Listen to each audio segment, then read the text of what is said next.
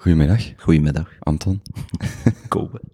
Aangenaam. Ehm, ik ben even, be- ben even aan het denken waar we beginnen. Eh, ik zal beginnen met de gemeenschappelijke vriend te bedanken voor, eh, voor eh, ons in contact te brengen.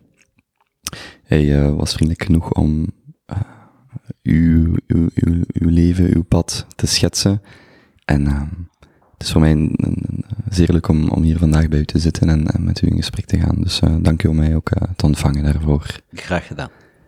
Waar, waar moeten we überhaupt beginnen?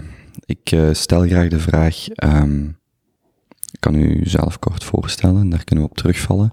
Maar misschien is er een beter, een beter punt om in te pikken. Nee, het lijkt mij correct. Eh, om te starten waar het allemaal begon. Op 26 mei 1960 ben ik geboren in ehm, Essen, bij Kalmthout. Omdat mijn vader, die beroepsmilitair was in Congo, net gevlucht was voor de revolutie, zoals dat, dat daar heette. Leuk om die context van die kolonisatie nu te bekijken in verhouding tot 60 jaar geleden. Maar goed, ik ben in Congo gemaakt, in België geboren. Ik had een oudere broer die gestorven is in een motorongeluk. Ik heb een oudere zus. En al snel bleek dat ehm, ik een zorgeloze ehm, jeugd heb mogen genieten. Sint Martenslatem, het hoeft geen uitleg. Ehm, tot het moment dat ik een beroepskeuze moest maken bij de aanvang van mijn eh, hogere studies. En daar heb ik bijna op een impuls ehm, gekozen om architect te worden. Ik fast forward naar dat punt, omdat er weinig opmerkelijks is gebeurd tijdens mijn jeugd, anders dan dat bleek dat ik een goede loper was. Wat dat dan achteraf is gebleken een eh, verlossend element te zijn in mijn ehm, ouder worden. Lopen. En die instinctieve keuze heeft mij vijf, ehm, eigenlijk zeven heerlijke jaren bezorgd. Die studies zijn niet te moeilijk, dat paste bij mijn intellectueel niveau. Ehm, en ehm, de omgeving van architectuur heeft mij eigenlijk vanaf mijn 18 jaar onvoorstelbaar veel bijgebracht en altijd zeer sterk geboeid. Ik kom daarop terug. Dus ik doe die studies, ik vertrek ehm, na die vijf jaar studies naar Zuid-Afrika. Dat is een belangrijk moment, omdat ik dacht dat stage in België eigenlijk niet echt veel bijbracht aan een jong man. En dus ehm, ik ga naar Zuid-Afrika, ik werk daar voor de Indische gemeenschap, die zo'n beetje in het midden van de sociale lagen zich bevindt, maar ik doe daar zeer interessante ehm, werken. Ehm, ik word uitgenodigd door die uitzonderlijke architectuur in de Universiteit van de Witwatersrand en ik ehm, doe een jaar lang een masters in architectuur zonder het eigenlijk zelf te weten, bepaal ik daar een beetje de filosofische grondslag van mijn leven. Want de titel van die, van die masterproef heet ehm, Chaos Out of Order. Een 274 Engels geschreven een pamflet waar ik probeer uit te leggen dat chaordelijkheid de basis is van alle creativiteit. Dat lukt maar half, maar dat geeft niet. Ik krijg mijn master, ik kom terug naar huis. Ik doe nog als een van de laatste mannelijke deelnemers aan onze Belgische maatschappij mijn verplichte legerdienst. En ik ben 28 als ik eigenlijk uit dat leger kom. En ik dacht, what the fuck, wat gaan we nu doen? Ondertussen was ik al tien jaar bij mijn huidige vrouw, eh, Inge, eh, die ook architect is. Dus het, het blonk eigenlijk als een spiegel. Laten we een praktijk open doen, laten we de zaak in gang fietsen. En het is ook werkelijk zo, ik voel het ook zo aan. Op mijn 28 ben ik eigenlijk begonnen aan mijn eerste werkdag. Lijkt vrij laat, maar heeft mij wel drie decennia van een ehm, zeer onbezorgde ehm, jeugd ehm, opgeleverd. Bent u ooit met uw vader terug naar Congo geweest? Nee, niet met mijn vader terug naar Congo. Ik heb twee dingen gedaan die daar verband mee houden. Ik ben met mijn vader terug naar Namibië gegaan, omdat dat zo'n beetje mijn tweede thuisland is geworden. Wij doen dat jaarlijks met de hele familie naar Namibië, buiten slapen, Ehm, geen enkel asfaltbaan rijden, altijd door de woestijn, los met moto's en auto's. Ehm, en ik heb hem eens meegenomen naar Namibië en ik zag de koloniaal zo weer opstaan. Wat heel leuk was. En dan heb ik in... Wacht, hoe ziet je?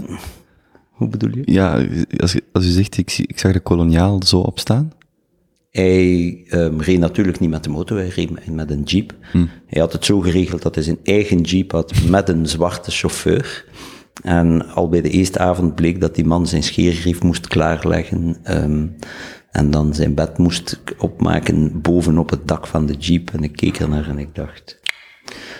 ehm, er is niets veranderd in die, dert- in die 30 jaar. Of in die 40 jaar tijd was het toen. Wat, het tweede dat ik gedaan heb is in 2014 met een mannenclub waar we jaarlijks een avontuurlijke reis mee proberen te doen op enduromotoren.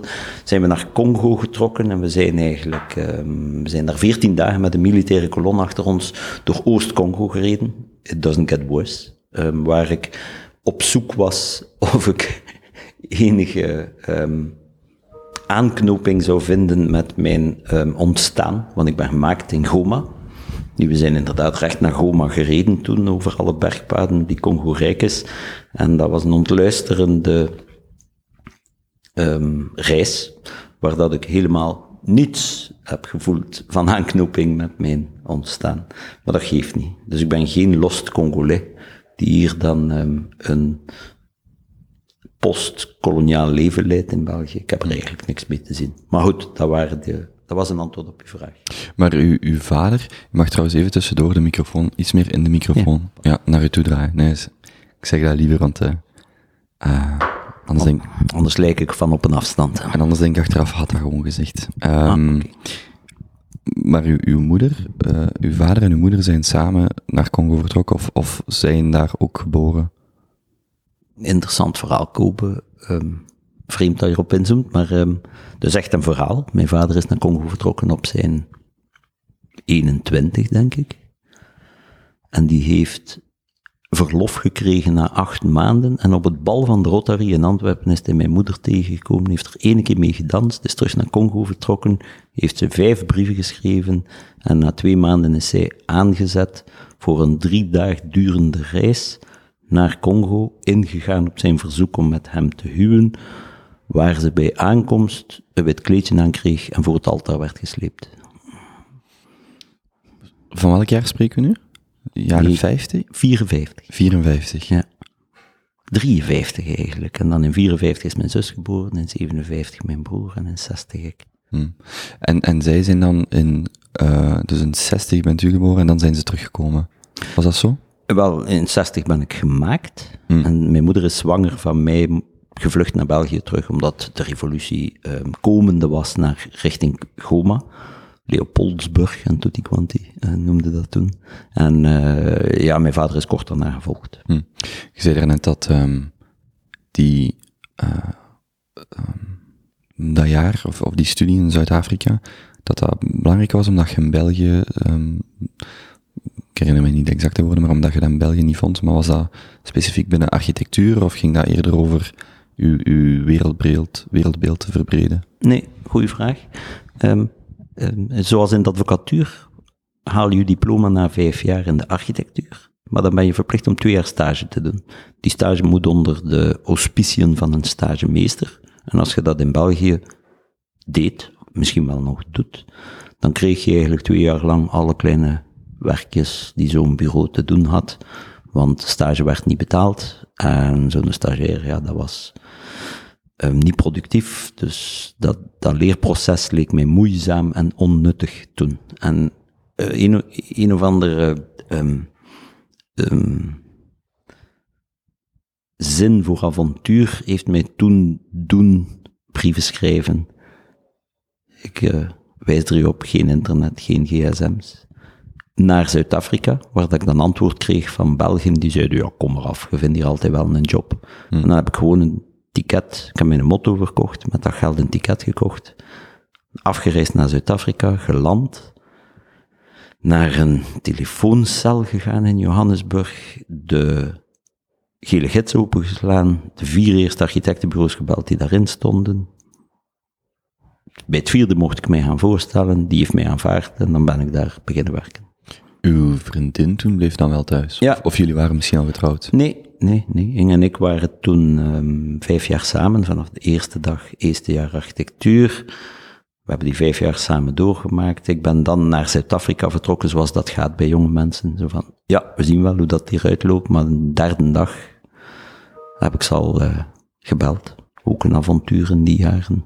Naar, de, naar het postgebouw, daar een lijn aanvragen, een half uur wachten, dan plots komt die verbinding. Spectaculair. spreken nu van de jaren 80, 85, zoiets. Ik heb daar gezeten van 84 tot 86. Ja. Augustus 84 tot augustus 86. En na een jaar is Inge dan nagekomen, want zij studeerde één jaar na mij. Dus zij zat een jaar lager.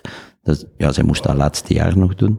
Dus dan ben ik naar Zuid-Afrika vertrokken en toen, en na een jaar toen zij klaar was, is ze nagereisd. Was het uiteindelijk wat je ervan verwachtte? Helemaal. Sport en spel. Fun. Wat betekent sport en spel? Goh, sport en spel is een Oost-Vlaamse uitdrukking voor het had van alles. Ehm, het had eh, zeer veel dynamiek. Eh, moet u dat goed voorstellen. Hè? Ik, ben, ik, ben, ik ben een vrije jongen vanaf mijn 18 jaar. Ik ben eigenlijk ook een beetje weggelopen thuis. Dus eh, dat is dan allemaal wel goed gekomen. Maar ik ben een vrije jongen en ik kwam toe in Zuid-Afrika. En er was God nog gebod. Ik was helemaal vrij. Ik kon zelfs mijn naam veranderen. Ik kon zijn wie dat ik toen echt wou zijn. Ik had ook geen geschiedenis. Ik kende er niemand en niemand kende mij. Het was een heel leuk moment zo. En dan bouwt je uiteindelijk een nieuwe realiteit op. Niet beseffende dat je dat aan het doen bent.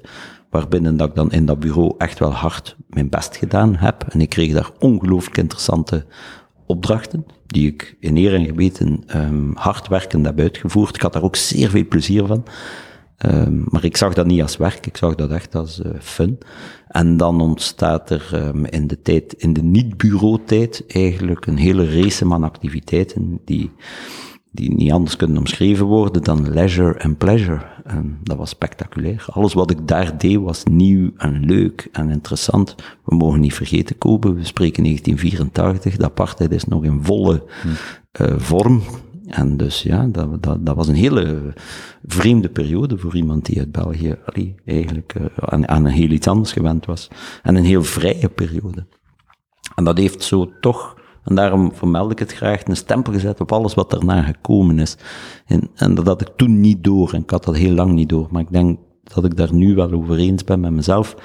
Dus die, die, die spectaculaire vrijheid die ik daar toen gevoeld heb, het dus, het dus ongebonden zijn aan alles, aan mensen en situaties en organen en noem maar op, heeft bij mij een soort eigenlecht die ik altijd heb proberen zo dicht mogelijk te benaderen. Want na twee jaar ben ik dan teruggekomen naar België, dan ben ik beginnen werken met dingen. Automatisch vallen er een heleboel verantwoordelijkheid. Nu een deel, we zijn dan getrouwd, er zijn dan kinderen gekomen, er komen huizen, eigendom, geld, verantwoordelijkheden, personeel, ga maar door. Maar uiteindelijk, dat hij is nooit vergeten en is nooit verloren. Die, die intrinsieke, individuele vrijheid van 84 tot 86 is bij mij gebleven als zijnde een niet te vergeten en na te streven ideale situatie. Dus niet tegenstaan dat ik al die verantwoordelijkheden wel genomen heb en al die engagementen gedaan heb en mij volledig geïnvesteerd heb als persoon en als familie in onze Belgische samenleving, is dat hij wel altijd blijven gloeien. En dat is daar ontstaan. Dat was spectaculair.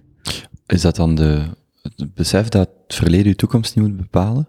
Is dat deel van die vrijheid? Zeker en vast, dat heeft daar zeker mee te maken. Dat eigenlijk de bagage die je meekrijgt van dag één, je kunt dat eigenlijk afleggen. Hmm. En al dat gedoe over genen, en dat zal dan allemaal wel waar zijn. Maar ik denk dat de menselijke geest sterker is dan dat. Ik denk dat iemand die probeert zeer bewust om te gaan met de tijd die hem gegeven heeft op deze aardkloot, dat hij eigenlijk het best afstand neemt van alles en zichzelf herprogrammeert. Hm. Waarom Zuid-Afrika? Oh, goeie vraag, omdat dat het enige land is waar je los naartoe kunt gaan met een toeristenvisum, werk zoeken en blijven. Ze waren daar, ik weet niet hoe blij dat er blanke, jonge professionelen naartoe kwamen. Dus je kreeg daar eigenlijk alle faciliteiten mogelijk. Ik heb bijvoorbeeld die masters, ik werd daar eigenlijk voor gesubsidieerd. Hm. Ik kreeg daar een loon om de masters te schrijven op de Universiteit van Witwatersrand.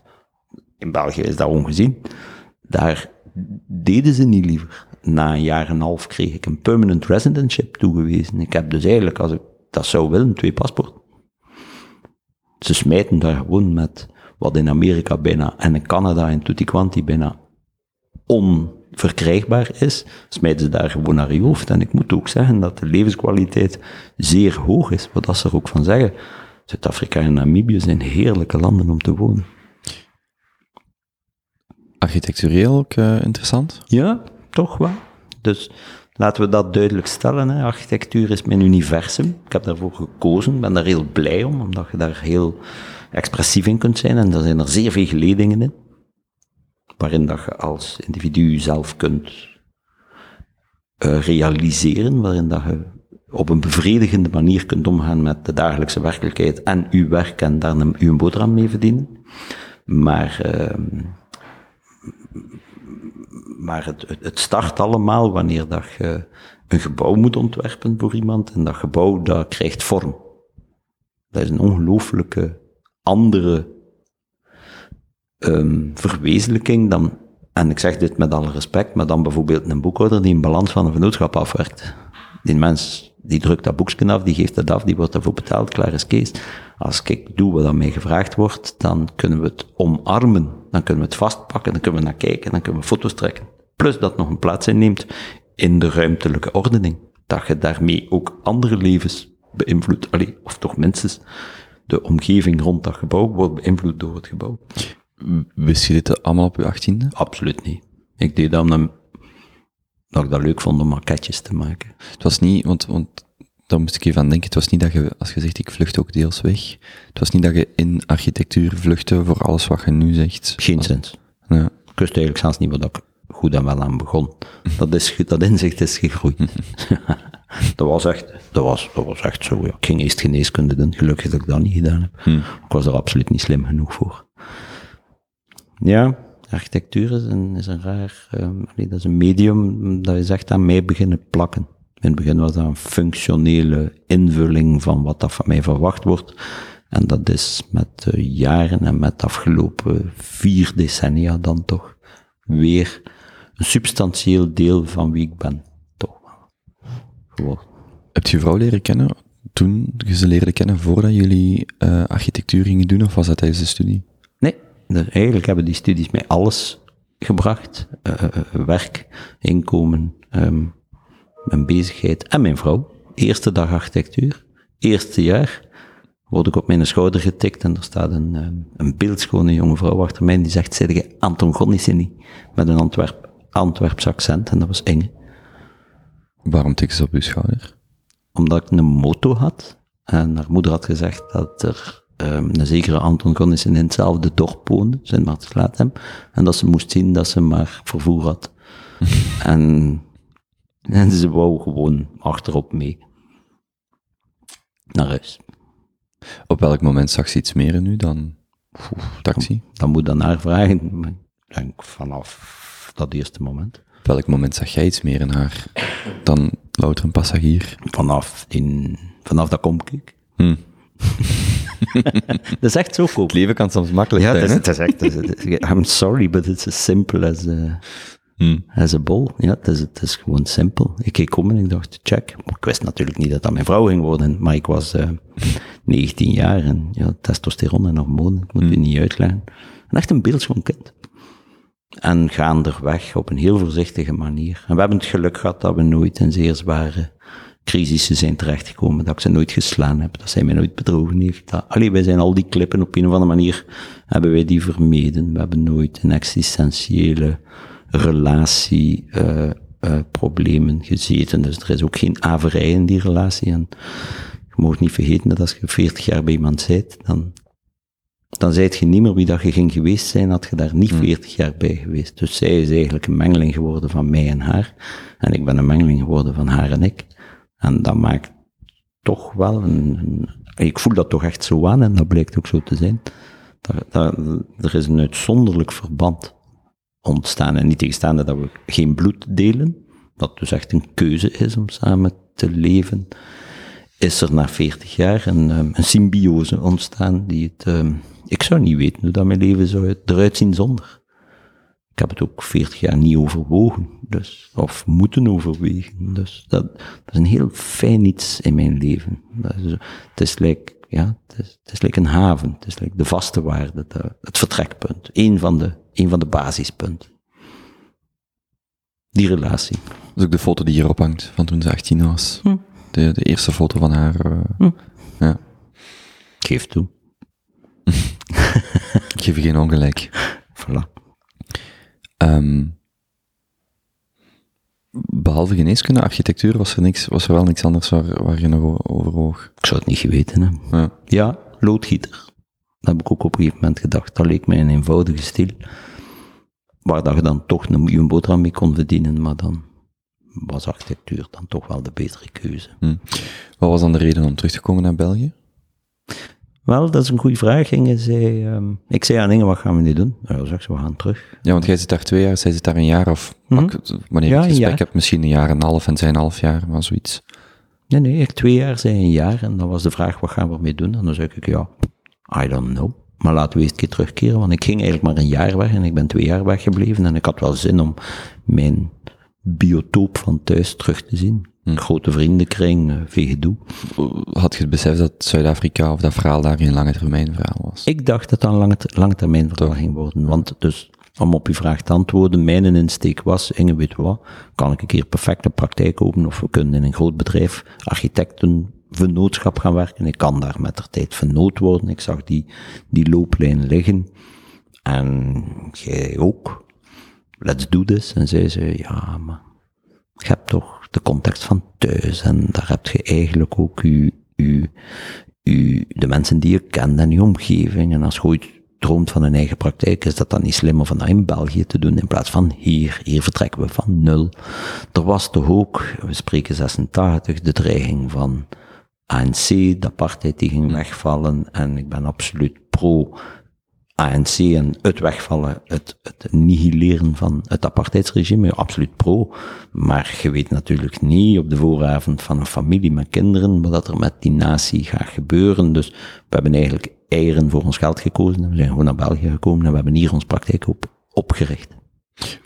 Direct terug dan naar Sint Maartenslaten gekomen? Nee, naar Gent in de Papegaaiststraat. Uh, enfin, eerst nog naar mijn oude kot. Daar begonnen met de eerste um, bouwaanvragen te tekenen, de eerste cliënten, maar dan heel snel verhuisd naar een huurhuis in de Papegaaiststraat. Een hele mooie 37 kamer tellende 1878 woning, burgerhuis, waar dat dan op gelijkvloers de praktijk was. En wij woonden erboven. Echt een leuke plaats. Klein tuintje achteraan. Wacht, 37 kamers. Ja, was wacht, dus met een orkestbak en zo'n lift die je met touwen naar boven en naar beneden kunt trekken. Een kelder met 14 kamers. Een, een, een, een bediende keuken. Allee, zo echt iets van een patriarch van, van 150 jaar geleden. Zo'n hele rijke familie. Maar ja, dat is al een beetje een verval. Die, die, die elektriek trekt op niets, die chauffage trekt op niets. Dus dat werd dan verhuurd. Ik weet dat nog voor 30.000 frank. 750 euro in de maand. En wij konden dan net trekken met die jonge praktijk. En, en het had de uitstraling. Ah, wacht, dat was het kantoor? Nee, het gelijkvloers was het kantoor. Oké. En we zijn dan erboven gaan wonen. Maar voor mij was het belang dat die praktijk dan een, toch iets van een ernstigere uitstraling kreeg in plaats van zo'n studentenkot. Er kon daar niet echt de mensen ontvangen. Dus hmm. grappige anekdote is dat ik dan mijn eerste klant s'avonds om acht uur liet komen. En ik deed de deur open en die mensen zei, dag jongen, is uw vader thuis? Begint er dan maar aan, als architect. maar goed, dat heeft echt wel gewerkt. Die negen jaar waren bijzonder leuk. En eigenlijk al snel uh, ben ik... Uh, ik heb die praktijk uiteindelijk met dingen maar drie jaar, twee jaar zelfs um, gevoerd. In de zin dat in, we hebben dat opengedaan in 1987, dus naar huis gekomen in 86 en in 87 die praktijk gestart. En einde 89, um, begin 1990 heb ik beslist om de aandelen over te kopen in een buy-in, buy-out systeem. Dus je koopt een boom en je betaalt hem vijf jaar lang met de appels, want ik had geen frank toen. Frank, inderdaad. Um, in 1990 heb ik de NV AABS overgenomen. Dat stond voor Algemene Aanneming van Bouwwerken en Schrijnwerkerijen. Ik heb gemerkt al snel in die praktijk dat ik een, een hoog mercantiel gehalte heb. Misschien omdat Wat betekent dat? Wel, mijn moeder is uh, half Nederlandse, dus het koopmans um, instinct bleek in mij toch uh, sterk aanwezig te zijn. Ik ontdekte dat echt. Ik kon heel goed praten met mensen. Ik kon mensen inzicht geven in, in welke richting dat ze mochten of moesten beslissen. Um, ik kon mijn product, als je het zo wil noemen, echt wel goed brengen. Dat heeft die praktijk eigenlijk een monsterstart bezorgd, met veel werk. Er was een klein beetje een inkomen op die moment al, vrij snel. Wacht, hoe, hoe groot was die, hoeveel mensen werkten daar op dat moment? Mijn vrouw en ik. Maar die buy-in die je deed, hm. dat, dat was een, een ABS toen wel, ik, ik, zat in de, ik was aandeelhouder in GB Co, Gondisse Willem Company, de architectenpraktijk, en toen werd mij het voorstel gedaan, wilt je de aandelen niet kopen van dit algemeen aannemingsbedrijf? En, en hoeveel, men, daar werkte niet, dat was? Toch wel, een secretaresse, een meestergast en de baas zelf. En waarom wou die baas dan u verkopen? Mm, wat bleek, dat was dan... ja. Want hij krijgt niet direct geld ervoor? Wel, ik, hij, hij was... Wel, je moet het zo zien. In die architectenpraktijk ben ik door dat bedrijf benaderd om hun klanten aan een bouwvergunning te helpen. Dat doende bleek al snel dat ik niet alleen die klanten aan een bouwvergunning hielp, maar dat ik eigenlijk ook die klanten binnentrok in dat bedrijf. En dat ik daarbij nog mijn klanten naar dat bedrijf bracht, want dat was echt wel een goed bedrijfje na een jaar en een half, twee jaar, zei die mens tegen mij, ja, een helft, of meer dan een helft aan de omzet dat ik draai, is eigenlijk door u. Hm. Zou je niet beter mijn aandelen kopen? Ik zei, ja, maar ik heb geen euro. Frank, pardon. Ik heb geen frank. Eh, geen erg, zegt hij, betaal mij dan vijf jaar lang. Ik wil er zoveel voor, betaal mij vijf jaar lang. En ik heb dat ook zo gedaan. En het hele systeem was erop berekend dat we na vijf jaar het dubbele van de omzet zouden draaien. En na vijf jaar draaiden we acht keer de omzet of hmm. zoiets, van dat we mee gestart zijn. Dus dat is heel snel gegaan. Maar ik ben dus heel snel van architect naar aannemer verhuisd, wat dat eigenlijk niet meer of niet minder is dan uw kap overdag gooien. Je moet je ontslag geven aan de orde van architecten, die deontologie, heel dat ridicul verhaal. Maar de echte overstap is gebeurd omdat ik als architect ook vond dat ik een zekere ondernemingsgeest mocht ontplooien, maar dat was een beetje buiten de waard gerekend van de orde van architecten. En toen ik een aangetekende brief kreeg dat mijn plakkaat aan de voordeur een decimeter te groot was volgens de regels, dacht ik van ja, dat komt hier niet goed. En dan ben ik eigenlijk uh, al snel overgegaan tot aankopen van aandelen van een aannemingsbedrijf, wat dat je nu kent als ABS bouwteam. Dus dat heeft dan die 30 jaar lang, van 1990 tot 2020, zijn beslag gekend zoals dat het nu kent. En nee, ja.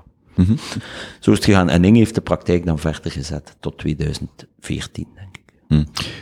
Kunt je beter duiden wat het verschil is tussen architect, uh, architect-aannemer, uh, waar dat die waarom dat, dat zo geëvalueerd is voor u. Ik, ik herinner mij een, uh, ik herinner mij niet de website, ik denk dat, op, dat ik het op NAV heb gelezen, NAV.be heb gelezen, uw, uh, uw verhaal over, um, uw essay over... Ah, je hebt dat gelezen? Ja, van die zes of zeven pagina's, maar ik, ik herinner mij de bron niet, ik heb het er ergens bij liggen, maar... NAV. NAV over de architect, maar ook als aannemer, of de rol van architect-aannemer en, en... Eigenlijk bestaat dat niet. Hè. Mhm. Dat is hele dingen. Dus, dus in, in, in 1935 is de wetgeving rond architecten dus opnieuw opgemaakt, omdat bleek dat heel veel architecten zich um, lieten misbruiken door de, de aannemers. In Wacht, als je architect zegt, is een beschermde... Dat was toen ook al een beschermde titel, Wel, het, het, is het toen geworden. Het is het toen, ja als je heel ver teruggaat, was een architect niet anders dan een bouwmeester. Dat is iemand die en de plannen tekende en op de werf zei aan de bouwlieden hoe ze moesten bouwen en wat ze moesten bouwen. Uiteindelijk is dat dan verworden tot een strikte scheiding tussen het beroep van architect en alles wat dat de uitvoering van die plannen dan betreft, zijn de aanneming. Dus die strikte scheiding is ontstaan in 1935, dan is de orde van architecten ontstaan. En um, dan is daar toch, naar mijn gevoel, in 1990 al een soort verbastering gekomen tussen enerzijds uh, de, de, de, de onderneming, zijnde het bouwen van een gebouw, in, in, zijn totaliteit, zowel het, het, tekenen ervan, als het vergunnen ervan, als het bouwen ervan, als het onderhouden ervan, wat eigenlijk één cyclisch gebeuren is. In 1935 hebben ze dan een muur tussen gebouwd, en dan mocht een architect niet meer doen dan zijn plannen tekenen, en van dan af moest hij de zaak laten uitvoeren door een aannemer. Strikte scheiding. Eigenlijk. Het mocht dus per wet, bij wet niet meer niet. om... Oké. Niet. Ja. Dat is een wet. Dat is nu nog zo. Mm Maar de verantwoordelijkheid bleef wel bij de architect liggen, of eindverantwoordelijkheid, of gedeeltelijk? Gedeeld. Dus die eindverantwoordelijkheid uh, wordt gedeeld tussen de architect en de aannemer. Ook daar is nu evolutie in, ten goede, maar we zijn er nog lang niet. Hmm. Want eigenlijk die opsplitsing, um, daardoor werd, werd een architect eigenlijk een beschermd beroep, wat het allemaal positief is. Daardoor werd eigenlijk zijn creativiteit veel meer beschermd. Um, maar het nadeel was dat er, ja, dat, dat uiteindelijk de, de, de, de ketting gebroken werd. En waarop vandaag de grote nood is bij het ontstaan van, een, van de conceptie van een gebouw, dat alle actoren in het proces, tot en met het afwerken van het gebouw en het navolgend onderhoud ervan, dienen aanwezig te zijn om hun inbreng te doen. Ingenieur stabiliteit, ingenieur technieken, architect en bouwteam. Dat als die daar van dag één bij zijn, dat dat een veel gunstiger proces is. Hmm. Dan wanneer dat je de zaken opsplitst. Want er zijn natuurlijk een hele hoop met malversaties ontstaan bij die scheiding tussen beiden. En ik voelde dat toch al zo aan in 1990. En wat blijkt 30 jaar later, dat inderdaad de hele trend is dat architecten minder en minder inspraak krijgen in, dat, in het proces van het bouwen van gebouwen.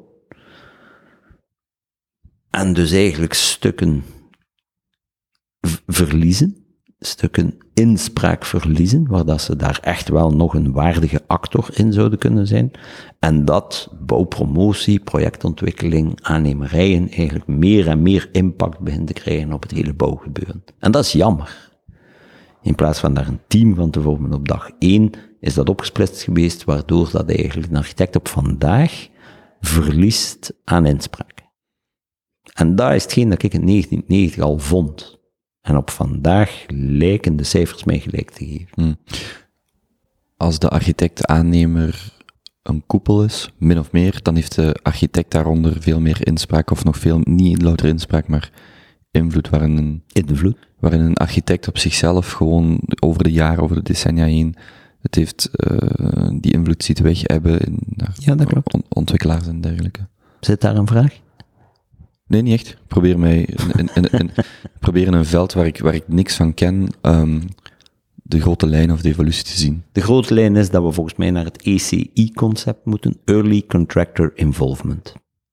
Tot nog niet zo lang geleden was um, de, de nanemer was de stroper, de klant was, de, uh, was het wild en de architect was een boswachter. Dat is een hmm. ridicuul concept. Oké, dat is ontstaan op het moment dat er um, dat er bijzonder veel malversatie was, dat architecten uh, allee, procenten pakten. Allee, zo Hans dat concept van, van vroeger, waarin dat uh, voor wat hoort wat verhalen en toestand. Dus ze hebben daar proberen paal en perk aan te stellen, dat is ook gedeeltelijk gelukt. Maar vandaag de dag is heel dat speelveld veranderd. Elke eenheidsprijs, alles wat dat alles kost, is vindbaar op het internet. Je kunt de mensen uiteindelijk niks meer wijsmaken, want uiteindelijk kunnen ze alles nakijken en opzoeken. De enige keuze die wij in de bouw vandaag hebben, dat is zo correct mogelijk voor de juiste prijzen kwaliteit bieden die lang blijft um, onderhoudsvrij zijn. Dat is de enige keuze die ons voor ligt. En daarin valt dat boswachter-stroperverhaal eigenlijk helemaal weg. Een architect moet niet meer de aannemer controleren of dat hij de klant niet oplicht. Dat is niet meer van deze tijd. Partijen moeten gewoon zichzelf op dag één verenigen om de vraag van de klant zo goed mogelijk te beantwoorden. Zijnde, ik wil daar wonen of ik wil zo'n gebouw, het mag zoveel kosten, het moet dan af zijn. En dus hoe vroeger dat ze zich samenzetten, hoe, hoe vlotter dat, dat doel bereikt wordt, met meer garanties, hoe meer dat het in stukjes splitst, hoe moeilijker dat dat doel bereikt hmm. wordt. En dat is eigenlijk de hele filosofie van wat dat ik al 30 jaar propageer, wat ik al 30 jaar zeg en wat dat ABS-bouwteams en fundamenten op um, gematst zijn. Dat is gewoon stop met dat wantrouwig gedoe. Geef elkaar het voordeel van de twijfel in plaats van het nadeel van de twijfel. Alleen maak wel een juiste keuze, onderzoek een keer de balansen, kijk keer hoeveel processen dat er lopen, et cetera. Kijk een keer op het internet. Tegenwoordig is dat toch allemaal makkelijker vindbaar dan 10, 12, 20 jaar geleden. Maak uw keuze en start uw project met iedereen tegelijk samen. Waarin dat iedereen een bepaalde waarde heeft de architect heeft zijn creatieve waarde, heeft zijn opvolgwaarde, we moeten naar details kijken. Allee, hij blijft nog altijd de stuurman op het schip. Maar hij moet het schip ook op voorhand er al bij halen. Anders komt het niet goed. En dat blijkt ook. Hm. Ik kijk trouwens even rond. Moeten we het licht terug aan doen? Of doen we gewoon zo verder? Hm, je moet niet, van mij mag dat uitblijven. Van mij mag dat ook uitblijven. Um, Is niet de stroomles uitgevallen. Um, is, is, is architectuur de mooiste kunstvorm? Is architectuur een kunstvorm? Goeie vraag. Die duizenden mensen op duizenden verschillende manieren beantwoord hebben. De ene zegt van wel, de andere zegt van niet. Architectuur heeft dat verschil dat het utilitair is. Dat het moet gebruikt kunnen worden, dat een praktisch nut moet hebben dat het moet voldoen aan al de eisen om utilitair te zijn. Waar dat een kunstwerk van Arne Quinzen niet utilitair hoeft te zijn. Het kan gewoon mooi zijn, op de juiste plaats staan, alleen de juiste volume nemen, negatieve ruimte creëren, noem maar op, een plein definiëren, maar het hoeft niet utilitair te zijn. Een fontein op zijn minst is nog utilitair. Dus is het kunst. Ehm, ik ga daar niet op antwoorden. Who the fuck knows? Maar het noemt wel bouwkunst, hè, eigenlijk, in een, in een andere term. Ik denk het eerlijk gezegd niet, maar, uh, maar als ik, ik, heb, ik heb van deze namiddag een interview met Vincent van Duizen, daar kijk ik ongelooflijk naar uit. We hebben samen gestudeerd, veel plezier gehad. Die jongen heeft, of die man heeft een, eh, een spectaculaire, um, intrinsiek waardevolle carrière opgebouwd met architectuur. En daar zou ik nog geneigd zijn om te zeggen dat dat een kunstenaar is. Omdat hij erin slaagt om, om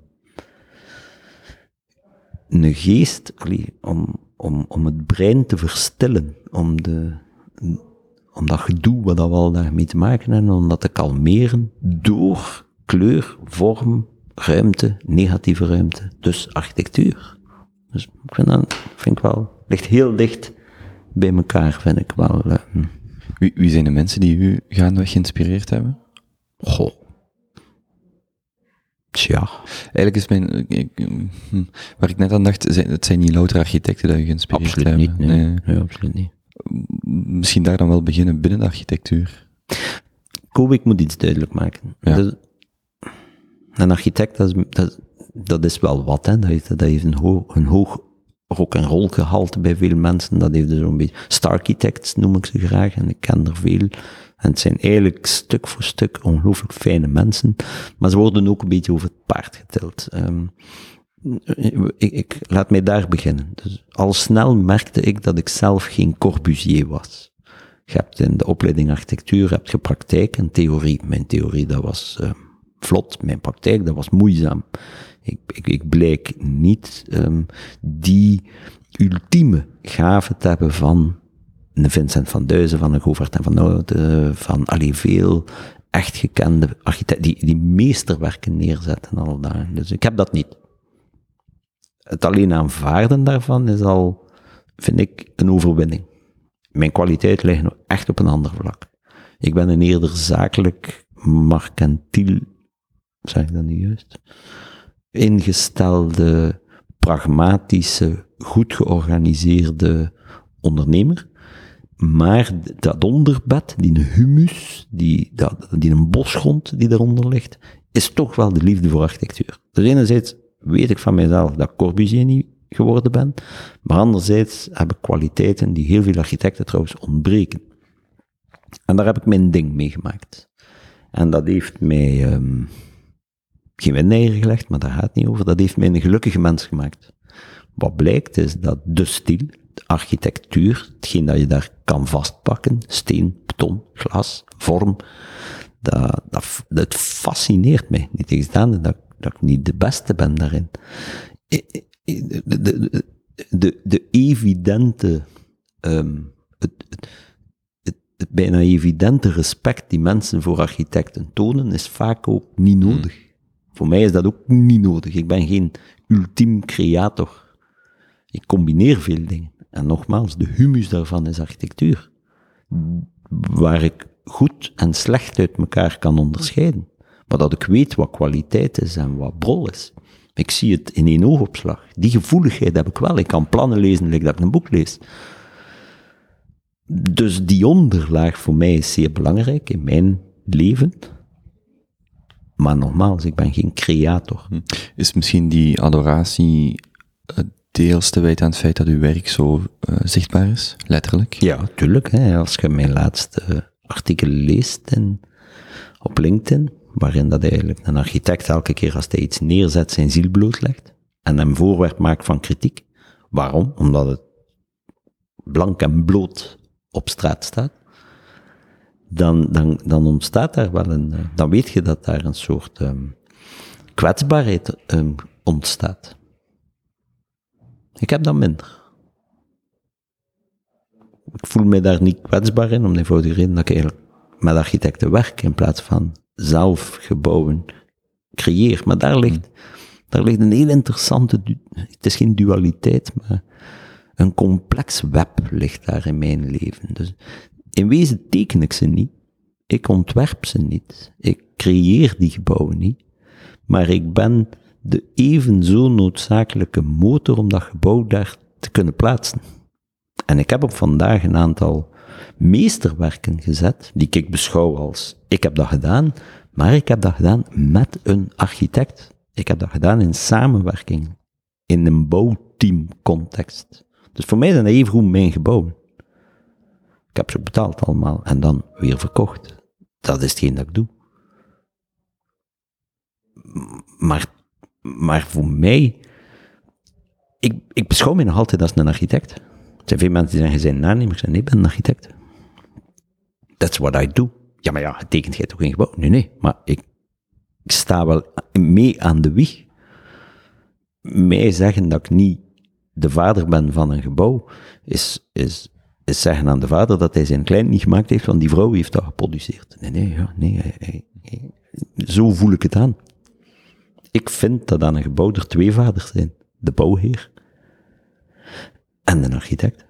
Dus voor mij lag daar dan een invulling van hetgeen dat ze proberen die eerste vijf jaar mee te geven, namelijk dat je Corbusier moet worden, wat ik niet kon.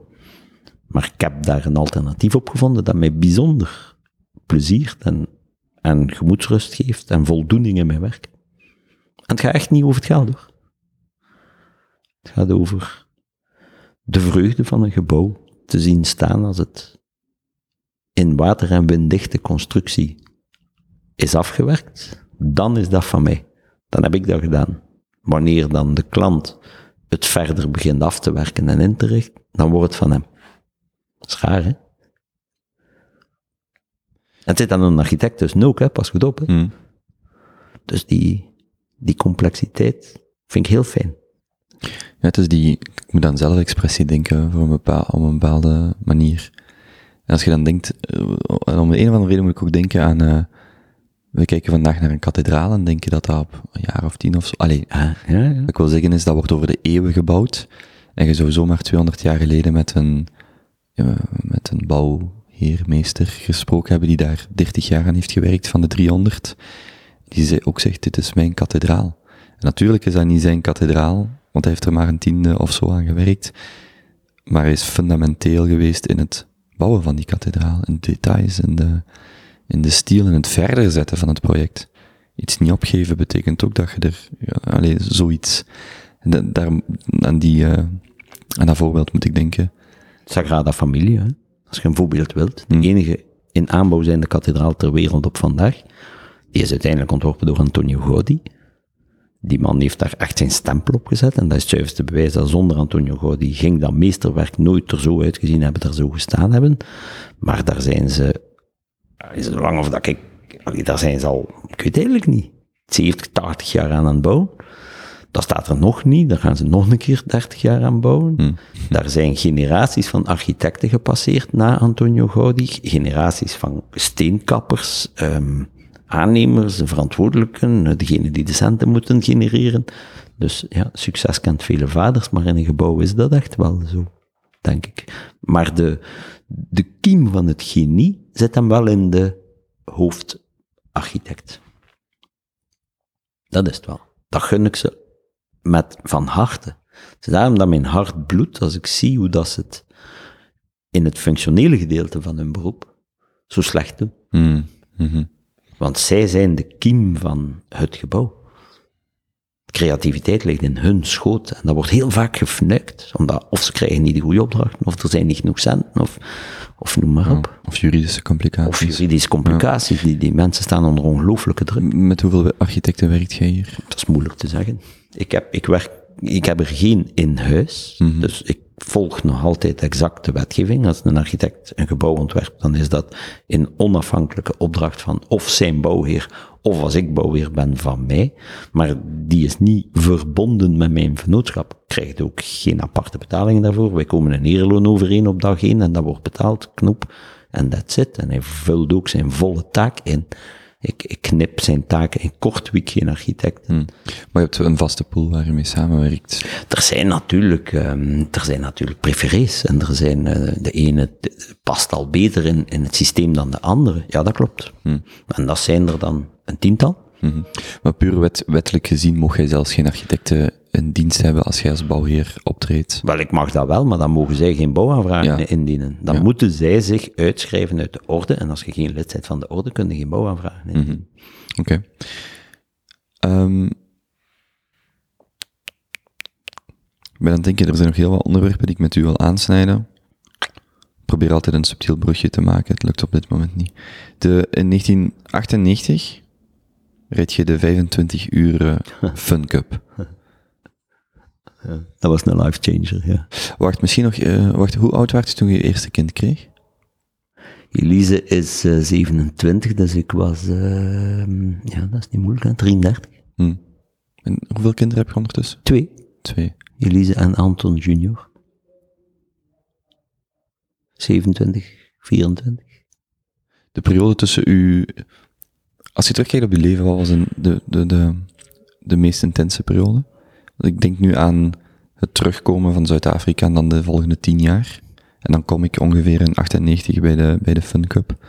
Is dat, is dat, Als je mij vraagt om een voorkeur uit te spreken voor een bepaalde periode, kan ik niet. Als je mij vraagt wat is de meest intense, dat kan ik ook niet. De rollercoaster is eigenlijk gestart, laat ons zeggen, bij het terugkomen uit Zuid-Afrika.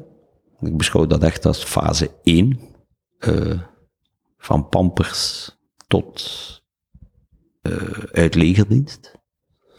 En fase 2 is van einde legerdienst tot nu. Zo zie ik het echt wel. De eerste 30, de tweede 30 jaar. Het is heel mooi onderverdeeld. En we gaan nu naar de derde 30 jaar.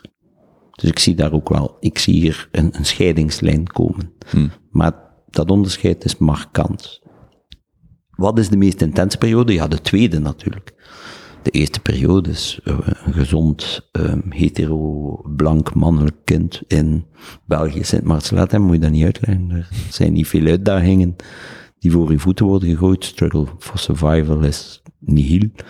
Ehm, alles, ja, God schept na, de soep. Tot natuurlijk die sap, die stap. Eerst schuchter, hè, kom we gaan architectuur studeren.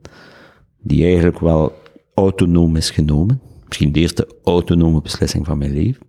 Dan dat terugkomen, nog een beetje tegen mijn hoesting, die legerdienst toen, zo, ja. Maar dan start uiteindelijk echt wel de tweede periode. En die tweede periode, dus de afgelopen 30 jaar, die, heel kortstondig die praktijk, die gingen dan niet verder gezet. En dan ABS bouwteam. Ja, dat, is, dat is één rollercoaster geweest. In de zin dat het snel, intens, positief ehm, is gegaan. Inge, het huwelijk, de kinderen, ABS bouwteam, haar praktijk, autokoers, enduro rijden, vriendschappen, eh, reizen, eh, tot nu. Voilà, dat is, dat is één lange stretch.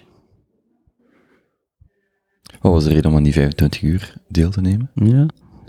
Enfin, ja. Ik ben een beetje het kind van mijn tijd, parel van de maatschappij. Uh, jonge ondernemer.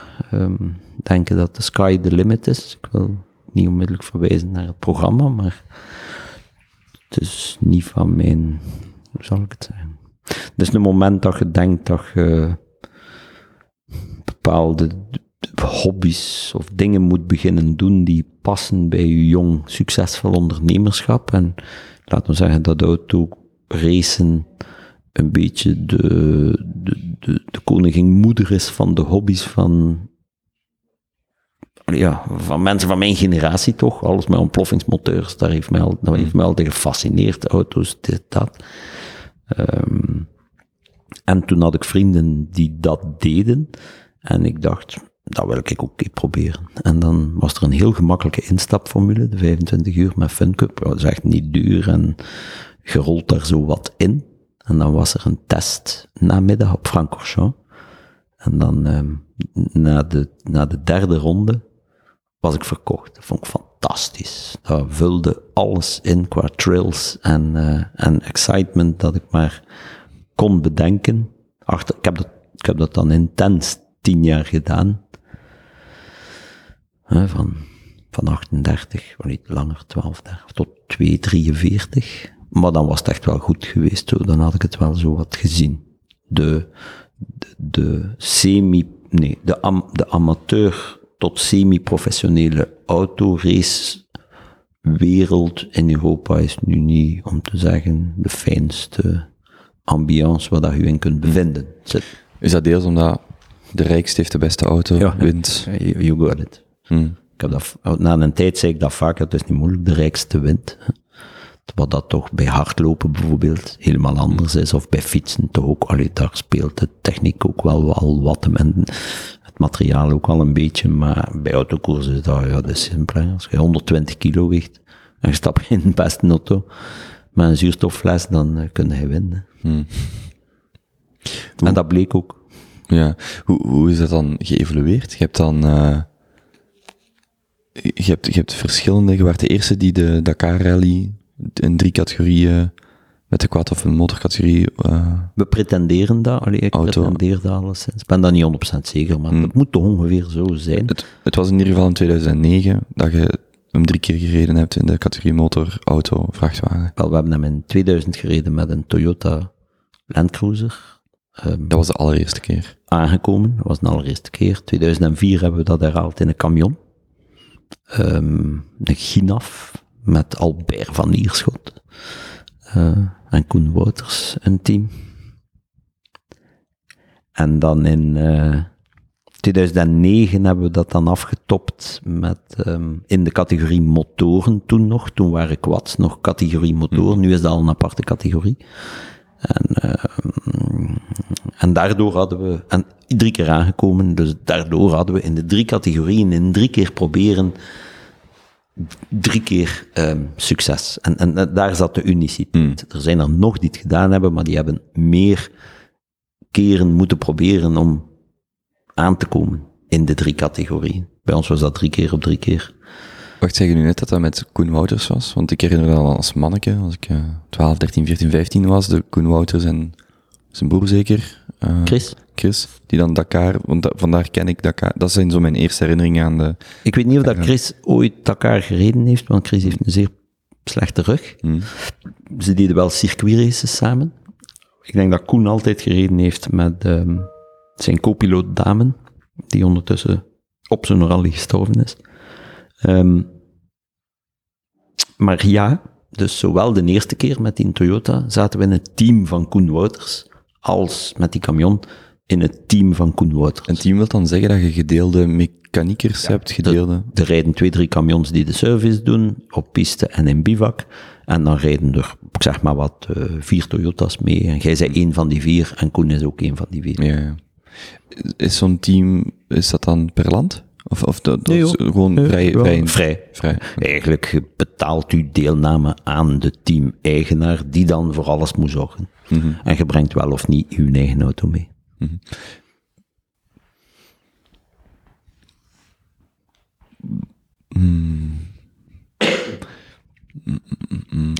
Dat vulde wel een jeugddroom in.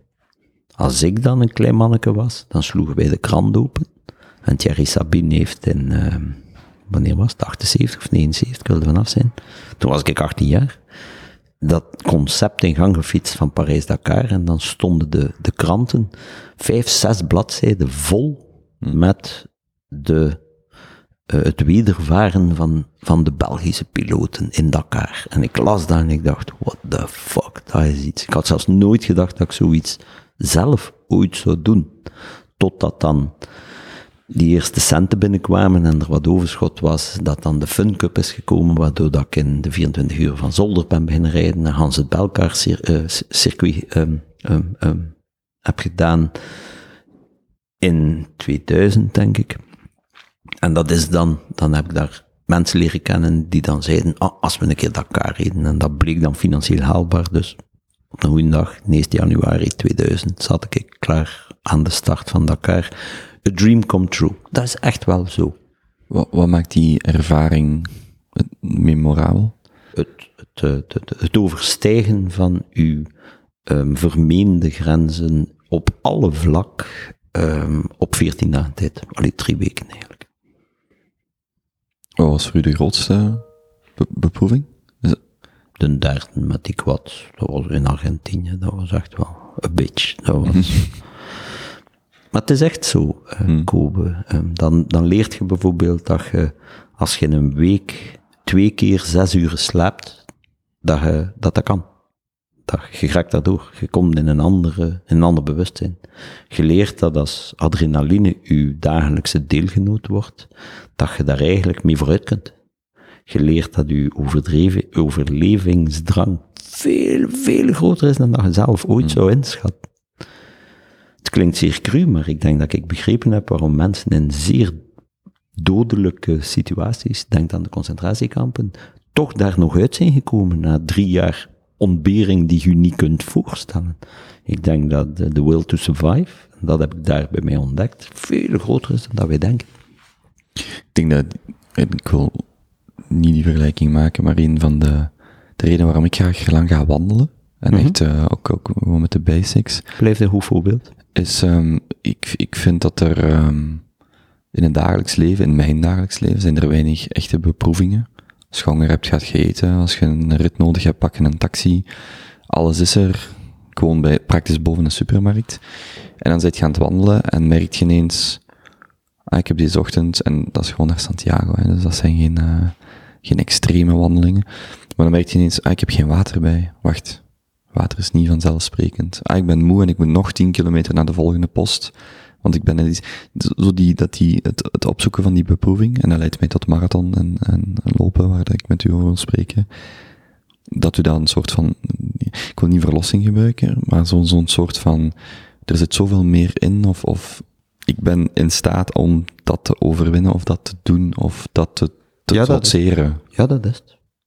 Het vertrekt helemaal wat dat jij nu net zegt. Het vertrekt van het gegeven dat je op een goede dag opstaat en zegt, ja, hoe makkelijk kan het eigenlijk nog hmm. worden met uh, de, de sluimer van verveling die uw leven binnenkomt. En je denkt, ja, maar dit lichaam of, um, of mijn leven, ja, het is only one voyage. Hè. Je hebt de ene keer, gaan we nu echt, is dit het nu? Is, is dat nu de name of the game? Ga ik daar nu nog de volgende 50, 60 jaar mee door? En ik had dat toen zeer sterk. En ik dacht, let's spice it up. En die spice up zijn dan die, die, die rallies en die circuitkoersen geworden, waar dat ik dan um, langzaam inzicht in kreeg dat, dat uiteindelijk die spice up het enige was dat zo aantrekkelijk was, maar dat de hele bredere context ervan toch niet zo fraai is. Hè. Veel te veel geld, uh, gedoe, haantjesgedrag, uh, en dan die zogezegde kameraderie, die daar dan, dat, was eigenlijk een beetje een fake en zo. Dus um, ik, ik werd dat ook wat moe. En de vriendschappen die daar zijn ontstaan en onderhouden, die waren dan eigenlijk niet echt gebaseerd op, op, op, op de diepere waarden die vriendschap zouden moeten, moeten hebben. Dus daar heb ik dan ook wat afstand van genomen. Tegelijkertijd van dat soort sport en activiteit, maar ik heb daar wel dingen uit meegenomen. En een van die dingen is precies hetgeen dat je zegt, dat je plots beseft dat je dat leven wel dat boeiende, ik zeg niet interessant, ja, interessanter wel, maar het wordt gewoon boeiender als je zelf wat um, onderwerpt aan een aantal minder evidente looplijnen dan dat je gewend bent. Dat noemt in de branche van de avonturiers de path least taken. Je komt op een kruispunt, dat is hier een asfaltbaantje naar rechts, waar dat een pijl staat, zoveel kilometer naar je bestemming, en dan een modderpad links die duidelijk naar omhoog gaat, een berg op, waar dat je niet weet of dat, dat gaat naar je bestemming gaan, je weet niet hoe lang dat is, en je weet ook niet hoe lastig dat gaat zijn. Dus you take the path least taken, hè, en, en dat, dat heeft ook een filosofische uh, grondslag. Uh, in het denken en in het um, uzelf evalueren in de maatschappij waar we in leven en in het uzelf kritisch bekijken, kun je altijd de gemakkelijkste weg nemen. Nou, wat is de gemakkelijkste weg? Ja, dat is carrière trouwen, uh, allee, trouwen, carrière, kindjes en dan op café met de vrienden elke zaterdag, de zondag net familie, keer aan de klootscharten en de zondagavond naar sport kijken en de maandag zijn we weer vertrokken. En daar heb ik een hemelse schrik van. Ik heb er geen afschuw van. Mensen die dat doen, dat is een keuze. Maar ik denk, wacht een keer, ik ben hier maar één keer. We gaan die mentale, uh, dat mentaal comfort, we gaan daar een keer van weggaan. We gaan die evidentie van eten en drinken, uh, werken en kakken, we gaan dan een keer achter ons laten en we gaan onszelf een keer uitdagen. En dus niet alleen op mentale um, vlakken ben ik dat beginnen doen, maar ook feitelijk. Dus toen woog ik iets van iets meer dan 80 kilo en dan dacht ik van ja, oh, ik sta hier voor een kruispunt. Ofwel word ik een licht obese, blanke um, man, ofwel gaan we toch die een tempel, we zijn er maar één, een klein beetje um, onderwerpen aan oefening en training, proberen daar gezonder door te worden, bewuster, et cetera, et cetera. En dat is eigenlijk ongelooflijk gelukt. Dus die vermoeidheid van die circuitkoersen heeft mij gebracht tot een andere soort van uitdaging, die eigenlijk veel uitdagender was, challenging was, dan dat, dat autogedoe. Refereert je naar het lopen? Lopen. Lopen. Lange afstand. Whatever.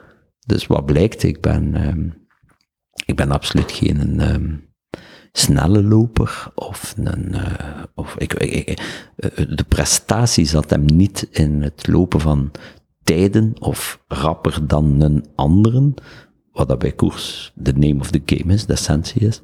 Uh, de uitdaging zat hem daarin te kijken hoe ver dat je lichaam brengt, zonder het schade toe te brengen. En dus de kleine bobootjes, uh, dat, dat, dat. En je leert eigenlijk door daar als amateur aan te beginnen, heel snel je limieten kennen.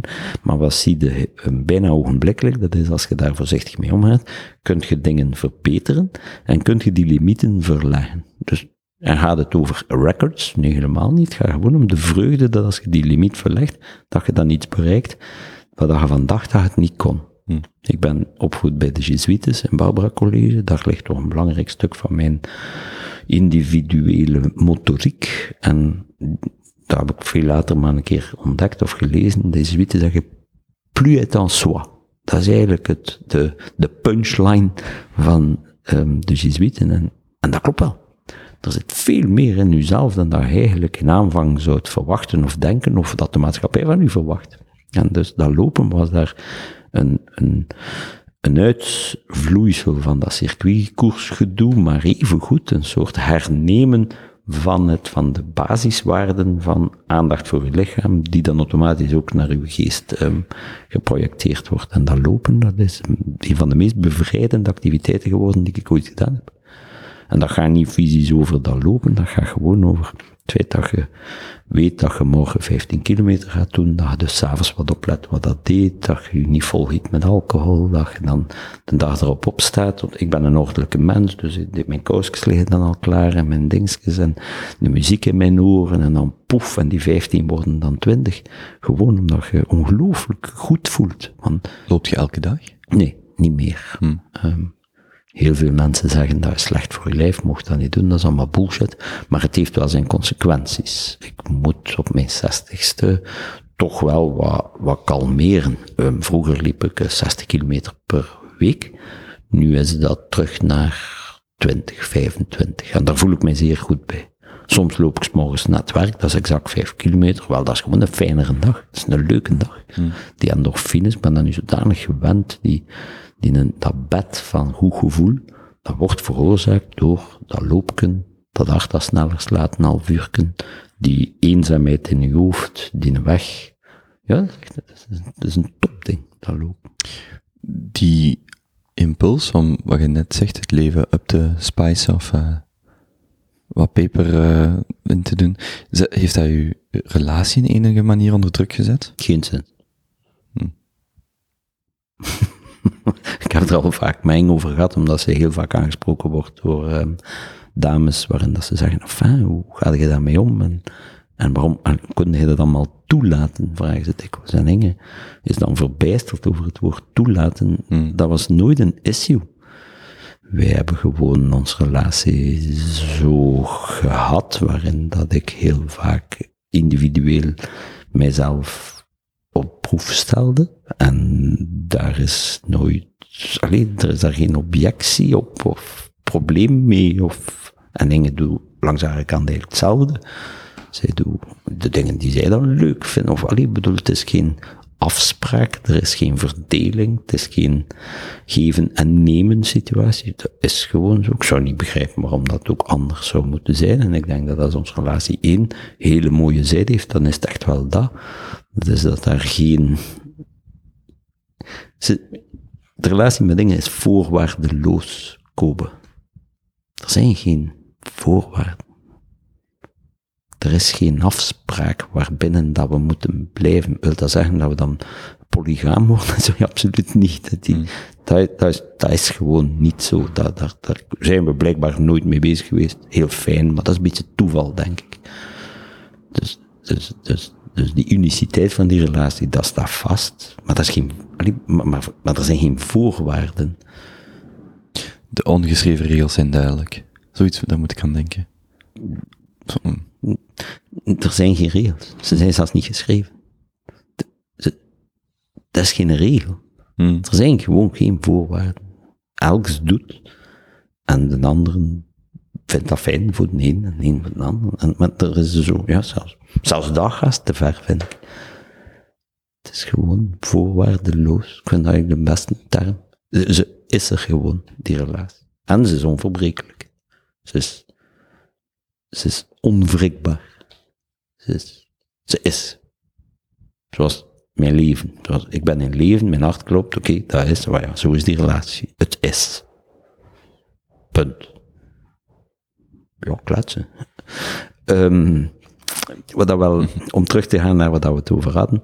Dus uiteindelijk, dat, dat, dat, dat plus en soi gevoel dat je dan in Dakar voelt. En dan ben ik woestijnrallies beginnen rijden met motoren. En echt wel grote, zware, gevaarlijke uitdagingen beginnen doen zijn. Waar dat honger, dorst en kampwaasachtige toestanden maal twintig uiteindelijk mijn deelgenoot zijn geworden. Die hebben mij dan, dan langzamerhand naar dat lopen gebracht. En in dat lopen heb ik dat echt teruggevonden. Ik heb dat in het begin zelfs, dan ben ik eh, een marathon op de Chinese muur, een marathon op, een- op de Noordpool, op een, een gletsjer. Ik bedoel, ik ben dan zo beginnen reizen en marathons lopen beginnen combineren, wat dat bijzonder plezierig was. Maar ook daar heeft dan zijn, zoals zijn de eenvoudigere vorm gevonden in het, eh, in het gewoon lopen nu. Het is gewoon deel van, van wie ik ben geworden. Ik ben heel blij dat ik dat, dat ik dat gedaan heb. Maar ik heb veel geleerd over mijn lichaam ook. Wat ik niet wist vroeger. En ik ben daar maar mee begonnen op mijn veertigste. Wanneer ben ik beginnen met lopen? Ja, daar marathon van. Ik kwam, ah, 2009 kwam ik thuis van Dakar, alleen van Argentinië, Chili eigenlijk. En dan zeiden ze tegen mij, oh, ga niet mee naar Rome. Ik zei, wat? Ah, we lopen de marathon, want er waren er twee op een bureau die een, eh, zich aan het voorbereiden waren voor een triathlon in, in eh, Florida. Ja. En ik dacht, ja, fuck, wat kan er mij gebeuren? Ik kom net uit de woestijn, waar, dat ik, eh, d- waar dat ik 72 uur na elkaar de, wakker ben en niet eet en, en zo. En dus ik dacht, als het mij niet dan stop ik wel. En ik heb die marathon uitgelopen. Vijf uur en niets, dus wat dat geen tijd is. En ik was steen kapot. Maar ik schrok van de mate van bevrediging dat ik daaruit gepuurd heb, wekenlang. Die duurde langer dan in Dakar. En ik dacht, allee. En toen is die vonk eigenlijk ingeslaan. En dan ben ik dat beginnen, zoals ik de meeste dingen doe, uitzoeken waar, allee, hoe moet je daarmee omgaan? hoe gaat uw lijf erop reageren? Dus ik was eigenlijk 39 en bolkes, hè, toen ik eraan begonnen ben. Lange tijd. Zit je ook beginnen fietsen en zwemmen? Ja, ik heb dan zeven keer de kwart triathlon van Knokken gedaan, maar uiteindelijk vond ik, vind ik fietsen niet zo leuk. Vind ik zwemmen eigenlijk helemaal niet leuk. Dus ik nam er dat zo bij, van ja, dat moet dan maar. Vandaar dat ik ook nooit volle triathlons ben gaan doen. Wel trailrunning dan? Wel trailrunning, ja. Die marathons zijn dan zo wat verworden naar trailrun. Ja, want wat was uw citaat? Ik heb drie keer moeten lezen. Een trailrunning is gelijk skiën, maar dan zonder de sneeuw en berg op. ja. eigenlijk wel. Ja. Ja, trailrun heeft het, uh, het bijkomende voordeel dat je om in, op ongelooflijke plaatsen in de natuur terechtkomt. Dat is een beetje met een duro rijden ook zo. Een enduro krijgt je waar je wilt, hoe dat, ik bedoel, je raakt er. Um, trailrunnen heeft, um, dat brengt u naar plaatsen, ja, ja, dat uw adem gewoon afgesneden wordt van de schoonheid en de uniciteit van de ongereptheid. Maar je kunt daar dus niet komen met auto's, et cetera. Plus, als je dat dan combineert met zo'n uitputtingsslag van 14 uur lopen, um, ik liep dan van, van Frankrijk naar, naar een stuk door Italië tot in Zwitserland dat is wel iets. Dat, dat, was fantastisch. Dat zijn hoogtepunten geweest. Echt leuk. Echt mooi. En ook daar weer, het gaat niet om de reis, het gaat om... Uh, het gaat niet om de bestemming. Ja, het gaat om, je, je, je wilt ook niet om te bewijzen, het is gewoon, ik, uh, ik wil dit doen, ik kan dit, ik kan die, die grens. Hm.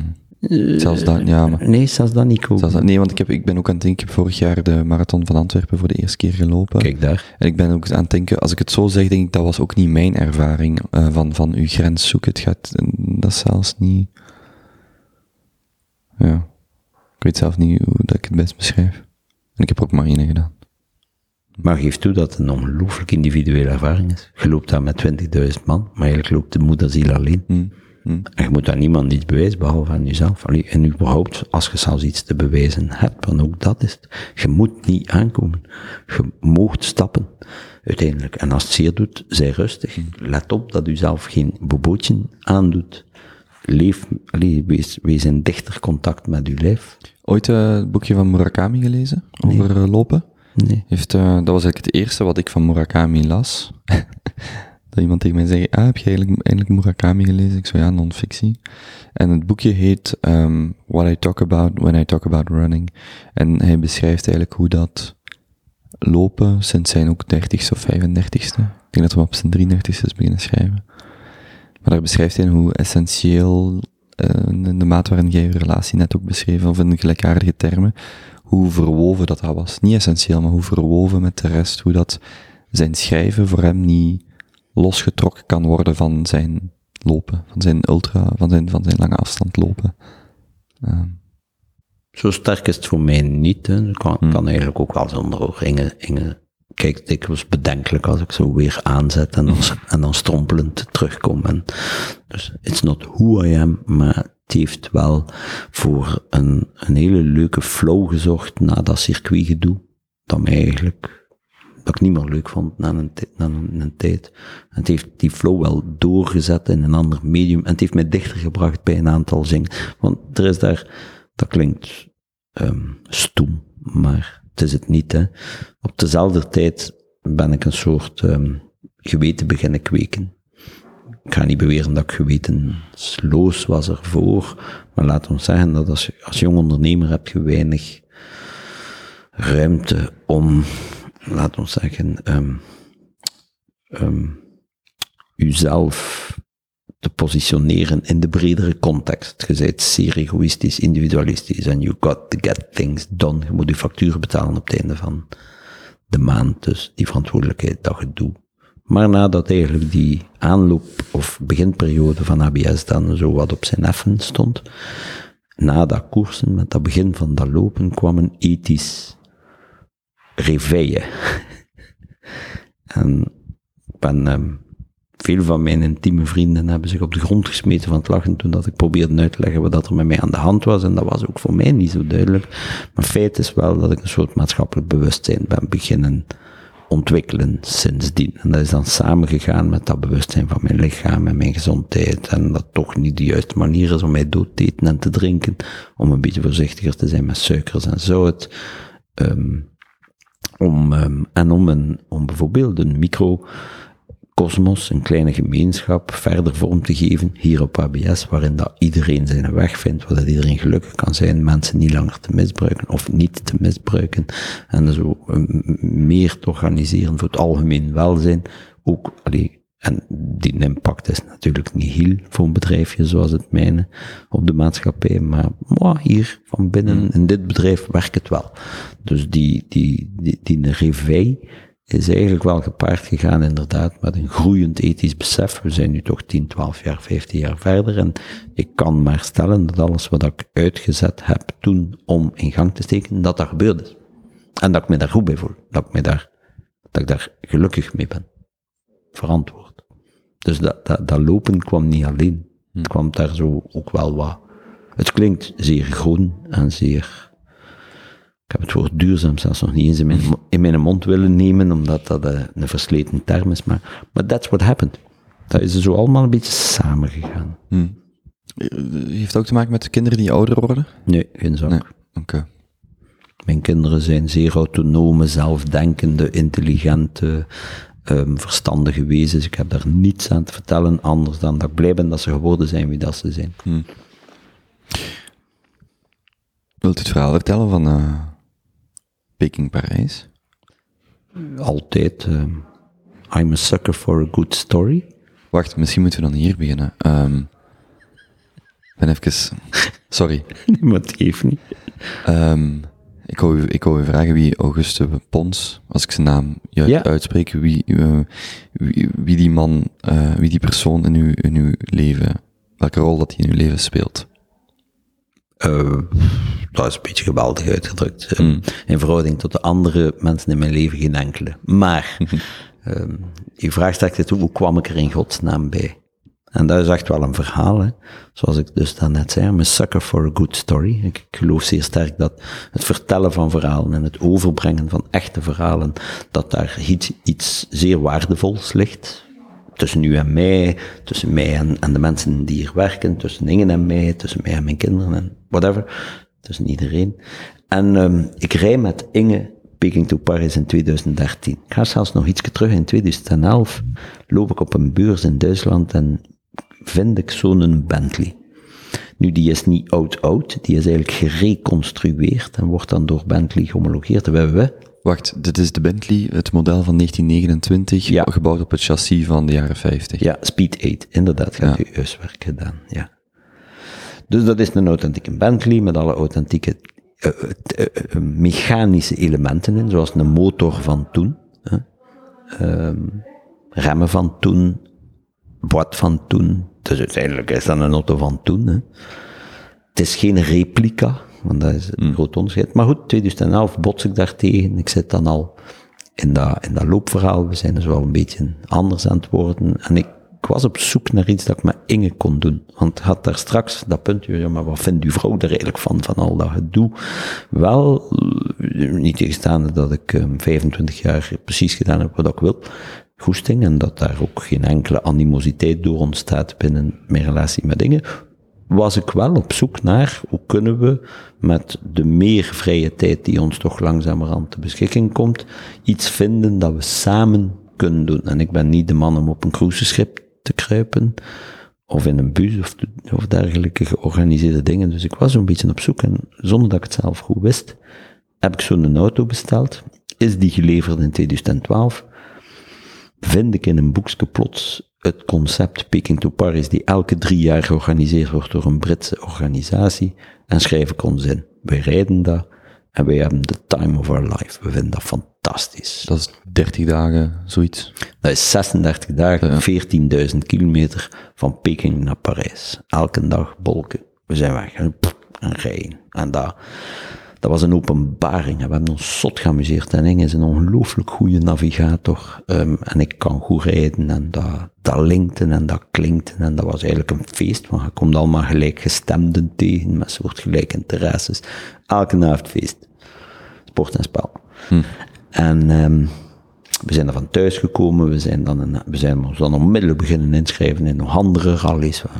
En op vandaag heb ik um, 60.000 kilometer met die auto met Inge. En dan heb ik, ben ik van Peking naar Parijs gereden, van Singapore naar Bagan, van Buenos Aires naar Lima. Noem maar op, de Baltische Staten, uh, noem maar op. Het is echt leuk. De wereld zien, met Inge, aan een gemiddelde van 50 kilometer per uur. It doesn't get better. Maar ik las dan ook die oude boeken van de originele Peking to Paris van 1907. En ik had dat al gelezen, maar ik herlas dat dan. En plots bleef dat verhaal van Auguste Pons met zijn vriend Oscar Foucault als co-piloot op die een driewieler, dat bleef eigenlijk plakken. Omdat die mensen het niet gehaald hebben. En zij waren er. Er zijn maar vijf deelnemers geweest in de enige eerste Peking to Paris die er was, want dan is China dichtgegaan en was het afgelopen. En dus ze hadden er vier, vier, hebben het gehaald, grote verhaal, grote boeken, al wat dat wilt, maar één niet. Ja, want het verhaal was naar autoconstructeurs van laat maar eens zien hoe goed uw wagens zijn, min maar, meer. En er waren er 80 inschrijvingen, maar uiteindelijk zijn er maar vijf die eigenlijk deelgenomen hebben. Ja, we spreken van 1907. Correct. Ja, dus stel je maar een keer voor. Hmm. Geen wegen, geen communicatie, geen benzine. Het zou vandaag zelfs nog een uitdaging zijn. Maar het is vandaag nog een uitdaging, laat staan wat het toen was. Dus um, dat één verhaal, dat gevoel dat, dat is daar onder de mat geschoven, die de mensen Voor mij werd dat dus een beetje de Calimero van, van dat Peking to Paris concept. En ik zag plots de kans liggen om eigenlijk toch nog op wereldtoneelvlak, maar dat is overdreven natuurlijk, maar blijkt toch wel wat impact hebben, toch nog een markant verhaal te schrijven in dat rally oldtimer gebeuren.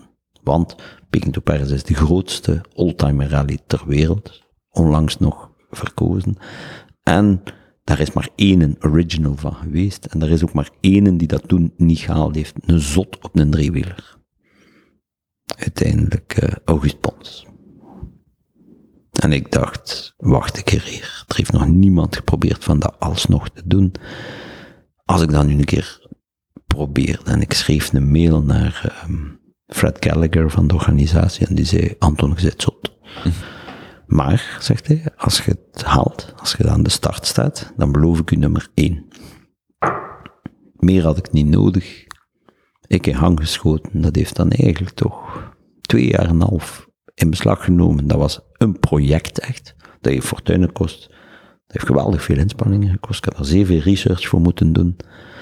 Uiteindelijk hebben we dan een, een, nieuw chassis moeten bouwen, omdat het oude chassis, dat zou het dan nooit gehaald hebben. Alleen dan moest daar... Wacht, het, het, het, het voertuig zelf, hm? en wel, was dat nog een, een origineel? Wel, we hebben een originele gevonden en we hebben ook vastgesteld dat die gewoon niet capabel was om die afstand af te leggen, zelfs niet op de wegen van vandaag.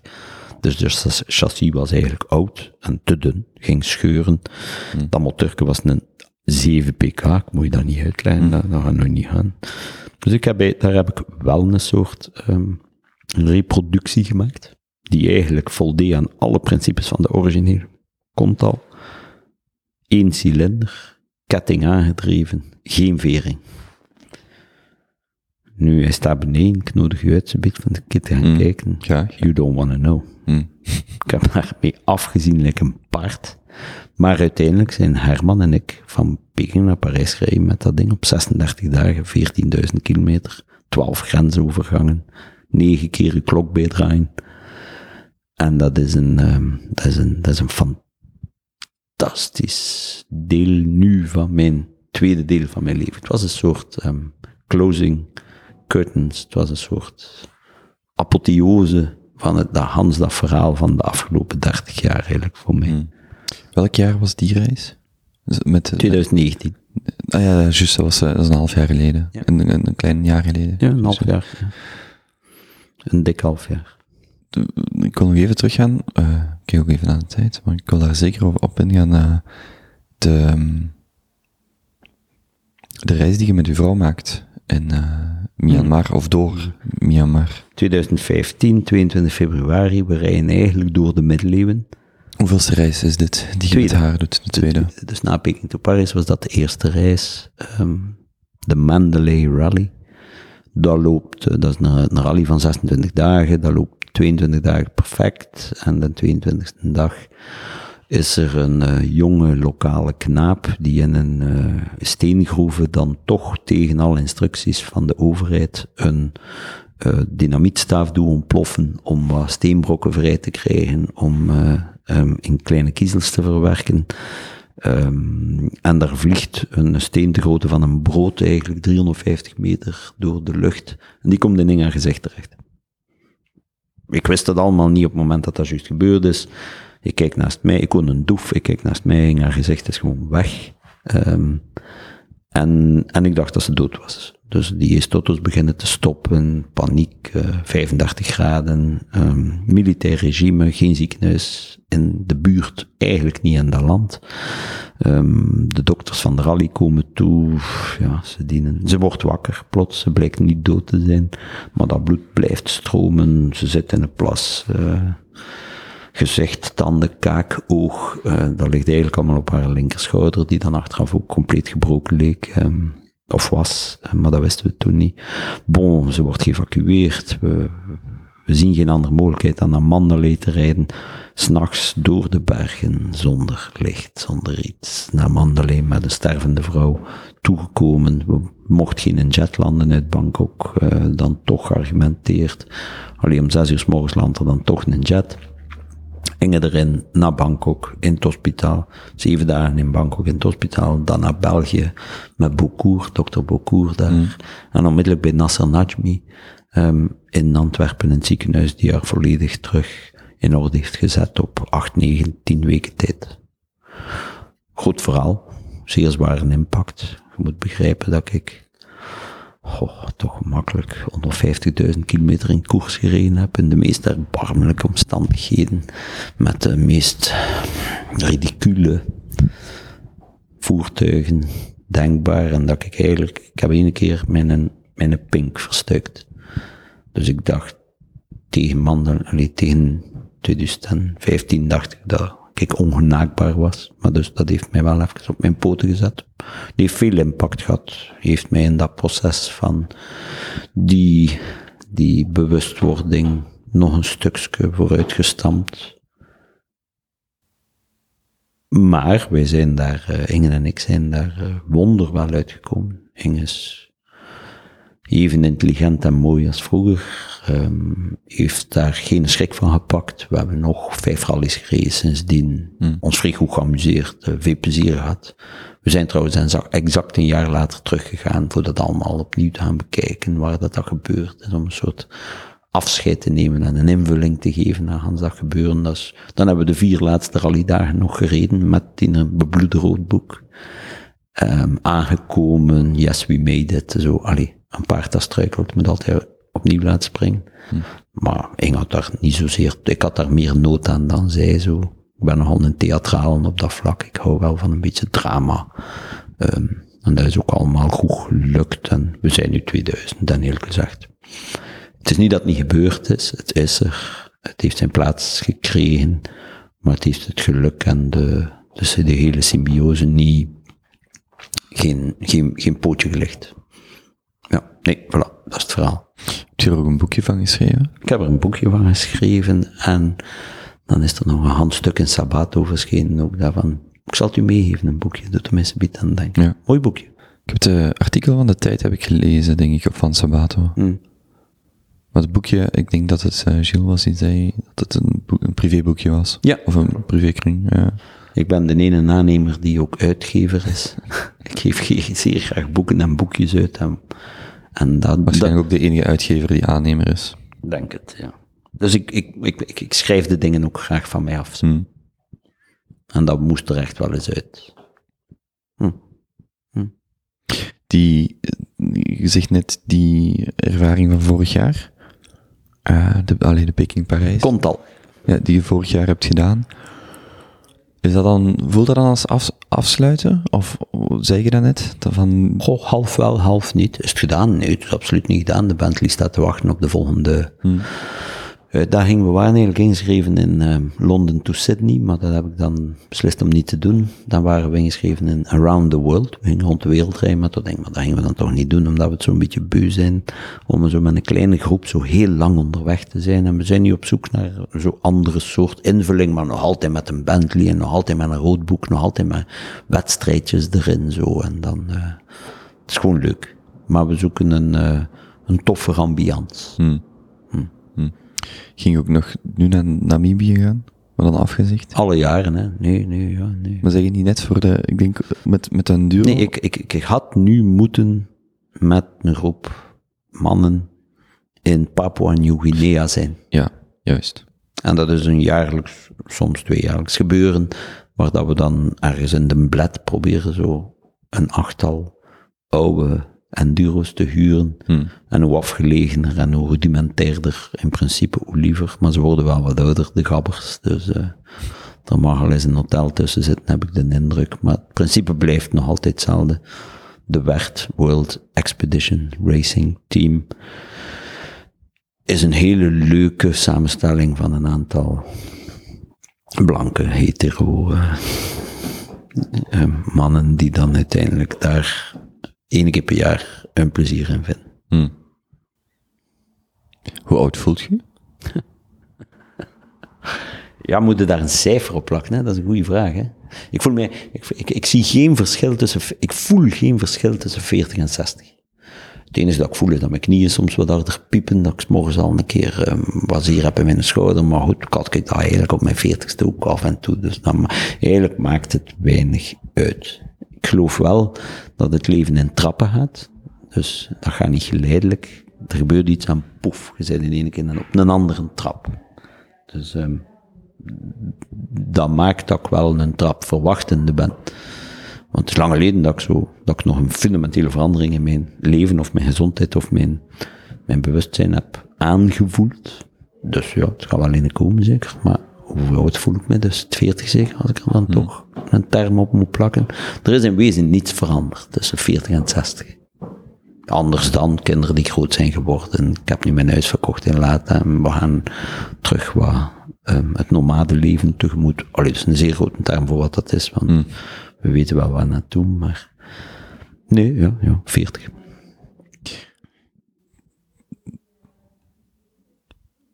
Is het, uh, hoe denk je over uw zaak als in, ik bedoel, ik bedoel niet het woord pensioen, op pensioen gaan, maar als in het overlaten? Is er een moment waarop het genoeg is geweest? Ja, ja, en dat komt eraan, hè. zeker en vast. Hè. Ik verwacht niet van tot mijn 85ste neer um, de zonnekoning uit te hangen, hè, natuurlijk. We zijn daar, allee, ik ben daar eigenlijk al een tijdje mentaal mee bezig om mijzelf in dat verhaal eerst wat uit te schrijven, qua naam en faam. Alhoewel dat mij dat moeilijk ligt, want ik ben een geweldige, uh, noemt dat nu weer? Aandacht, um, liefhebben. Ik, heb ik sta graag in de aandacht. Um, allee, dat mij dat niet ontsnapt. Doet er niet toe. Maar ik moet mij daar uiteindelijk uitschrijven in dat verhaal en ik ga moeten een alternatief zoeken. Maar dat kan alles zijn. Kinderen, nee, daar lijkt het niet op. Uh, een management buy-out, ja, dat zou wel kunnen. Uh, een CEO erin zetten, ja, dat zou ook zeer goed kunnen. Dat is eigenlijk ook een zeer valabele optie. Zou fijn zijn ook, om dat op die manier te doen. Of gewoon kopen. De olielamp dichtdraaien. Stilletjes, aangenamer wijze. Allee, niets moet, alles mag. Ik ben al verbaasd dat dat vehikel mij gebracht heeft waar we nu zijn. Ik had dat ook nooit gedacht. Ik ben vertrokken van nul. Ik wil gerust terug naar nul. Maakt me niet zoveel uit. Geld is geen doel, het is een middel tot. En dat is echt zo, ik meen. Geld is totaal waardeloos. Het is zelf de oorzaak van geweldig veel verbroken vriendschappen en onvervulde beloftes. Um, dus ik vind eigenlijk uh, maar kak geld. Maar het, het is wel fijn om er dingen mee te kunnen doen. Dus is, is, is het doel dan um, een uh, bruidschat voor mijn dochter of een hersen? Nee, absoluut niet. Dat is helemaal geen zak. Geld is een middel, geen doel. Dus maakt me eigenlijk niet zoveel uit allemaal. En, en dan dat overlaten van dat bedrijf, de naam, de dit, de dat. Ja, ik zou dat fijn vinden, moest het allemaal blijven doen, maar dat is geen doel op zich. Ik ga daar geen ongeluk mee doen. Ik ga er zeker niemand uh, mee instinken, om het zo te noemen. Het zou fijn zijn om het te zien doorgaan. En de naam en faam zijn volgens mij, en reputatie zijn zeer goed. En zijn zeker de moeite waard om mee door te doen. Maar uh, stof zijt gij, tot stof zult gij wederkeren zeker. Zijn een van uw kinderen architect? Nee. nee. Een advocaat en een econoom.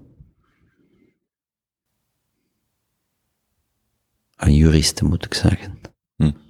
Advocaat is als je aan de balie staat. Ze heeft dat niet graag dat ik zeg, een advocaat. Een zeer van tong gesneden juriste en een, eh, een, een geweldige ondernemende um, economist. Alle twee eigenlijk met een hoog ondernemersgehalte, maar niet in de zin, ja, voorder, we gaan het hier een keer overpakken. Ik denk dat hun geen zak in zit. Dat is het zelf wat ik bemoedig. Hmm. Past helemaal in het beeld dat ik heb van mijn kinderen. Allee, kinderen. Van die twee volwassenen die daar rondretsen. Welke van uw ervaringen wens je het meest toe? Oh, dat, dat hij. Dat, dat gevoel van um, totale um, vrijheid. Individuele, geestelijke vrijheid van daar naar te blijven streven en dat te blijven behouden. En hoe dat ze dat doen, ja, elk heeft zijn eigen invulling en de context van hun maatschappij is niet de context van de maatschappij waar dat ik dan 18, 20, 30, 40 was. Dus zij gaan dat op een andere manier moeten invullen, maar ik denk dat ze dat nu al hebben. Mijn dochter is vertrokken op wereldreis zes maanden en ze heeft dat goed gedaan. Mijn zoon gaat dat ook doen. Dat, en natuurlijk zit er wel wat financiële ondersteuningen, maar, maar de, de insteek is dat ze volledig bevrijd van elke context op een gemak met hun partner de wereld in gaan en ik kijk wat dat er achter de deuren zit. En daar eigenlijk dan zich niet te veel belast te voelen met de familie, de maatschappij, België, context, politiek, beroep, uh, geld, uh, whatever. Dat wens ik ze toe. Maar niet continu natuurlijk een gegeven moment moet die motor wel aanslaan, moet die vonk wel in gang, allee, moet wel zorgen dat je kunt eten. Ja, want ik was aan het denken hoe, hoe je dat dan vasthoudt. Hoe, deels hoe je er van... Uh, eigenlijk niet, hè. Hoe je verder gaat, maar ook hoe je eraan vasthoudt. Eh, eh, door de herinnering eraan. Dus eigenlijk houd je het niet... Allee, het blijft niet. Mm Maar je houdt de herinnering eraan en je blijft dat als een soort... Ja, ja als een soort ideaal zien. Hmm. En, en raar maar waar, maar geflaneerd dan eigenlijk je hele leven met daar, daar langs. Je kunt dat niet meer bereiken, dat is onmogelijk. Er komen te veel verantwoordelijkheden en te veel, en te veel stress en te veel gedoe en dingen. Maar, maar houd het heel een tijd in je perspectief. Het is daar, dat hij ligt daar. Ik weet dat er is, ik ben bewust dat het er is ben zo'n keer op mijn dertien van een trap gevallen en ik heb mijn nier gescheurd. Ik weet bijvoorbeeld dat ik een nier heb, want ik voel ze. Hm. Jij weet dat niet. Ik weet dat dat hij daar ligt. Want, want, want ik heb het gehad, of ik heb het toen zonder het te weten gehad. En ik heb het door het in het oog te houden, nog altijd. Door het in het oog te houden. Je moet dat daarom niet zijn. Of, dat is niet het ideale, ik herhaal nog een keer. Maar het is er gewoon. En je flaneert er gans tijd langs. Je probeert zoveel mogelijk vrijheid in je leven te behouden, zelfs bij het opnemen van alle verantwoordelijkheden en, en gedoe die ons modern leven meebrengt. En ik denk, ik vind dat dat zeer aardig lukt.